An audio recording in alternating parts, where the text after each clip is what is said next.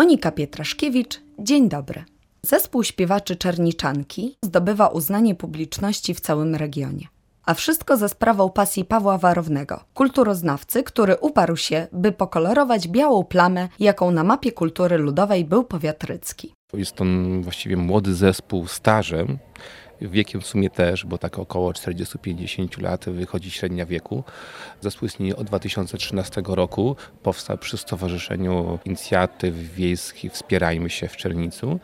I panie na początku zaczęły śpiewać taki repertuar typowo biesiadny, festynowy.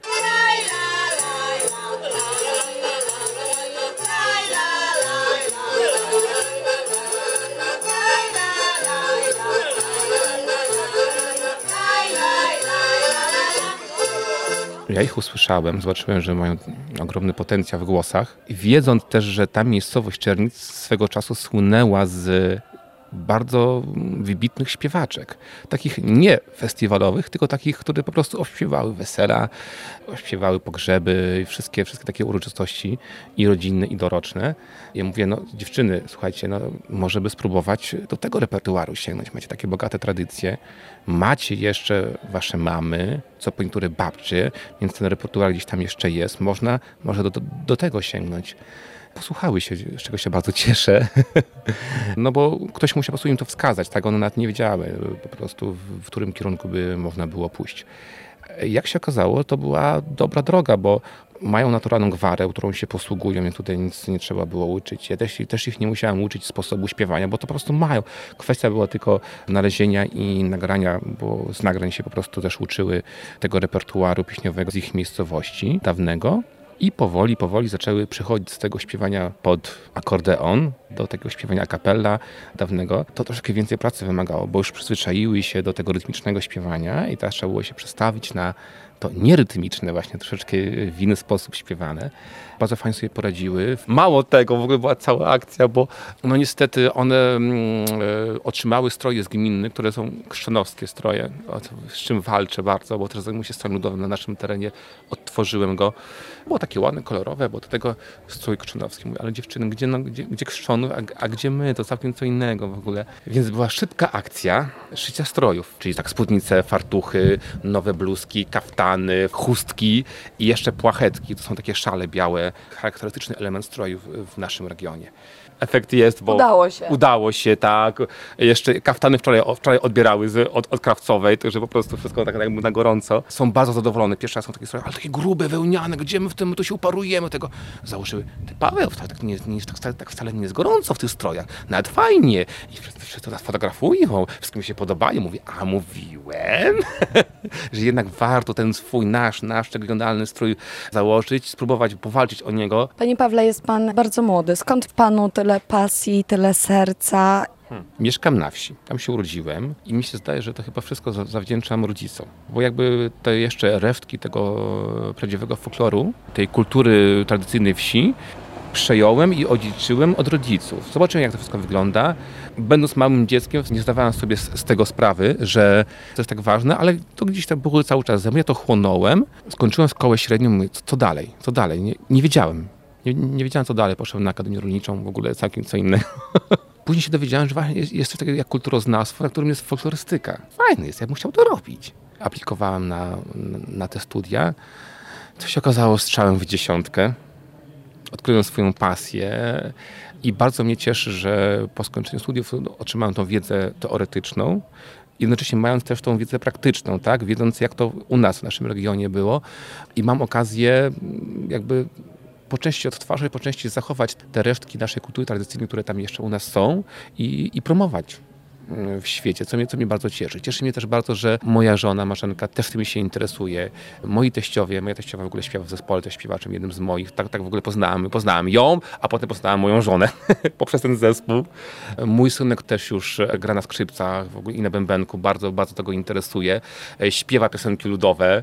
Cały czas gdzieś to jest w naszej rodzinie. Rodzina z tradycjami. Tak, tak, tak, tak, tak. Mój pradziadek też grał na skrzypcach w kapelni. Także gdzieś to tam się Od małżonki strony, od mojej żony też byli muzycy, więc myślę, że to taka kumulacja tutaj w naszych dzieciach teraz będzie tradycji. W regionie ryckim jak wygląda to kultywowanie tradycji? No bo tutaj pan wspomniał o członkiniach zespołu, że to najpierw było takie bardziej śpiewanie rozrywkowe.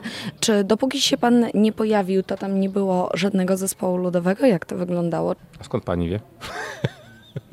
No nie było. Był, był to właściwie z tego czasu, e, parę lat temu, w 92 założony, który jakby śpieciu naturalny umarł zespół i to właściwie tyle. Nie było stroju ludowego i tak naprawdę, no, no nie chwaląc się, ale tak jak pani wspomniała, że no, to dzięki mnie i mojej pasji za, zaczęło to jakoś żyć. Profesor Adamowski mówi, że to była taka biała plama na mapie kultury ludowej i, i zespołów i działań z tym związanych. Dopóki ja tam się jakby nie zacząłem działać i robić wszystko, żeby to zaczęło jakby żyć bo jeszcze to mamy, jeszcze jest, tak? Nie trzeba tego totalnie odtwarzać i rekonstruować, tylko są ostatnie chwile na to, żeby złapać tą, tą naszą tradycję kulturową i ją kontynuować. I bardzo mnie cieszy, bo jakby jak nie było żadnego zespołu, w tym momencie już jest ich kilkanaście zespołów na terenie powiatu.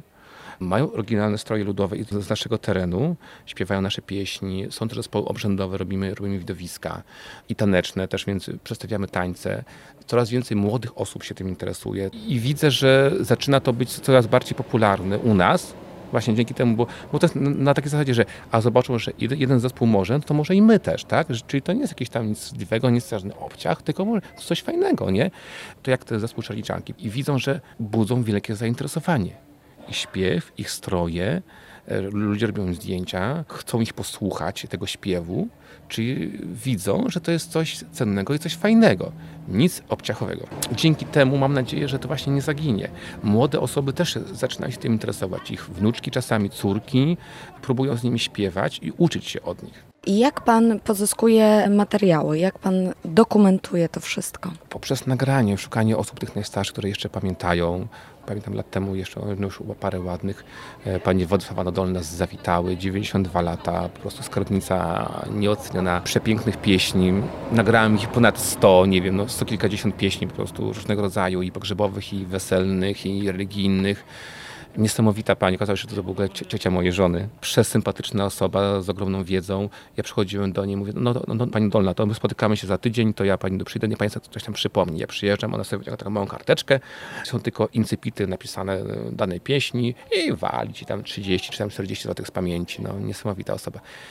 Tej pani już ni niestety z nami nie ma, ale te pieśni zostały, bo udało mi się to jeszcze zachować i nagrać. Więc jest ta gwara, jest melodia, jest tekst z którego teraz uczą się te zespoły. Ostatnio w, w zespole z, z, z Kawęczyna, też gmina Kłoczew, tam gdzie właśnie zespół Czerniczanki, e, zainspirowałem panie, żeby słuchajcie, macie starsze panie, które, które może śpiewają, poszukajcie u nich zaprosiły te panie, spotkały się, nagrały. Okazało się, że mają przepiękne pieśni. Te panie jeszcze znają. I te młodsze panie, tak w wieku właśnie 40-50, nas sobie nie zdawały sprawy, że one znają takie pieśni i że to jest coś fajnego. Już, już się ich uczą. Czy chętnie się dzielą starsze osoby swoją wiedzą, swoim dorobkiem, czy musi ich pan namawiać? Też panowie są oczywiście śpiewający, to jest rzadziej można spotkać, ale są. I tu głównie repertuar raczej religijny i pogrzebowy, aczkolwiek przyśpiewki też takie z jajem się tam pomiędzy y, trafią. Różnie to bywa ale na ogół z chęcią. Na początku to, ale ja nic nie umiem, a ja nie znam, a kogo to interesuje? Jakby nie mają tej świadomości, że to, co wiedzą i potrafią śpiewać, to jest coś bezcennego. Dla nich to jest takie coś naturalne. Co tam każdy śpiewa, a co ona tam wie? Dopiero w rozmowie, w spotkaniu wychodzi na to, że wiedzą coś, potrafią coś, czego nikt nie zna, nikt, nikt nie potrafi i że to jest coś niepowtarzalnego, coś cennego i potem przy następnym już i kolejnych spotkaniach zaczynają sobie przypominać, szukać albo zapraszać koleżanki, bo ona chyba coś tam umiała, to ona, bo ja tylko dwie zwrotki, a ona coś tam, coś tam jeszcze, jeszcze potrafi. Jakby uaktywniają się e, dzięki temu i zdają sobie tą, tą świadomość właśnie, że to jest coś, coś niepowtarzalnego, coś bezcennego. No. Jest pan osobą bardzo dynamiczną i to widać na pierwszy rzut oka. Czy nie boi się pan, że pan nie zdąży wszystkiego spisać, wszystkiego zrobić? Hmm, na pewno. Na pewno mimo, mimo tego, że staram się dotrzeć, a na pewno gdzieś tam te osoby, które już niestety nie ma na świecie, e, do których nie, nie dotarłem i pieśni razem z nimi gdzieś tam odeszły, spalone spódnice gdzieś tam, ostatnio przyjechałam, mówimy na cały kufer starych spódnic, fartuchów, w ogóle po babci, wszystko było spalone nie dotarłem. I jak jej uświadomiłem, jak to, jak to jest ważne, i teraz sobie szyją stroj, mówię, miałybyście. I ona też sobie zdała sprawę, kurczę, po co ja to zrobiłem? Ale kto by pomyślał, że to może się przydać? No właśnie, no. Jest takie poczucie niestety, no, że, że, że niestety nie do wszystkich się uda dotrzeć, nie wszystko da się zapisać, nie wszystko da się ocalić. Ale na, na przestrzeni tych 16 lat właściwie mojej, mojej działalności już na naszym terenie, to mi się zdaje, że jest jednak sporo ocalone. Czy jest panu momentami trudno? Są chwile zwątpienia? Nie, nie ma.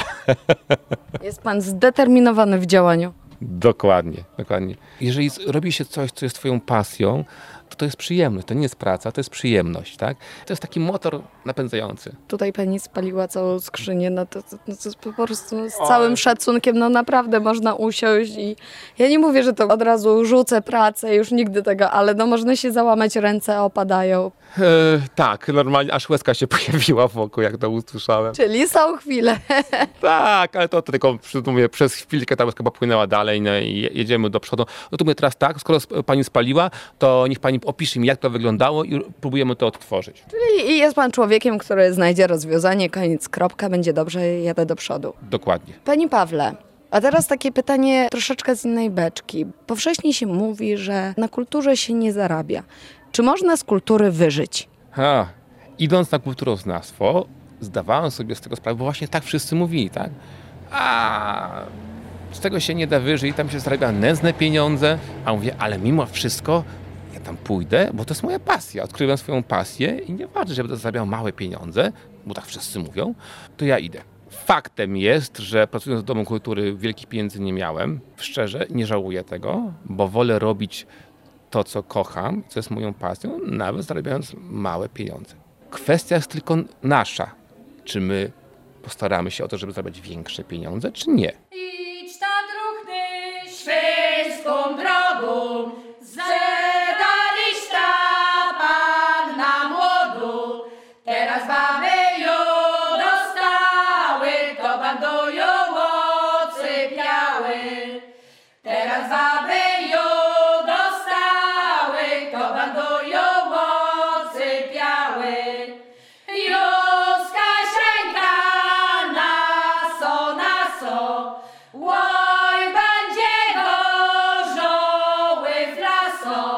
laso, będzie wajora zampiły, a boś wają ocypieły. A chłopy nie będą chlały, a bo nie ocypiały. Drogie panie, jak wam idzie to śpiewanie? No, w tej chwili to już tak trochę lepiej, ale zanim nas przekonał do tego śpiewania instruktor nasz, to też był problem, tak ciężko nam było się odważyć. Teraz już jest lepiej, no ale takśmy nie ufali trochę, nie chcieli słuchać się jego, ale nie żałujemy. Nie, chcie, nie chciałyście się słuchać, bo młode? Nie, bo młode, bo u nas takim językiem jeszcze się posługujemy na wsi. I to dla nas takie było, ja wiem, no takie zwyczajne, śmieszne, że tak, o tak se mówiamy. No przecież ładnie sobie mów- mówiacie. No, no właśnie tak, ale już tak jak dzieciaki, to wnuczki to już tak patrzą trochę, bo nie rozumieją tego, przyjadą, to się tak mm, dziwią. To dla nas takie było powszednie, ale właśnie instruktor pokazał nam, że to jest piękne, że to jest piękne właśnie. No, także te, te kolendy, mm, te dawne pieśni, przecież myśmy to znali. Babcie śpiewali, myśmy na to uwagi w ogóle nie zwracali. Potrafił to wykrzesać w nas. No, także to jest zasługa właśnie instruktora naszego. No. Stroje w ogóle, mobilizacja. Pan Paweł mówił, że to było szyte w tempie ekspres. Tak, tak, tak. I jak się czujecie w tych strojach? Rewelacyjnie. Nie jest gorąco? Nie. Nie jest. Bardzo fajnie.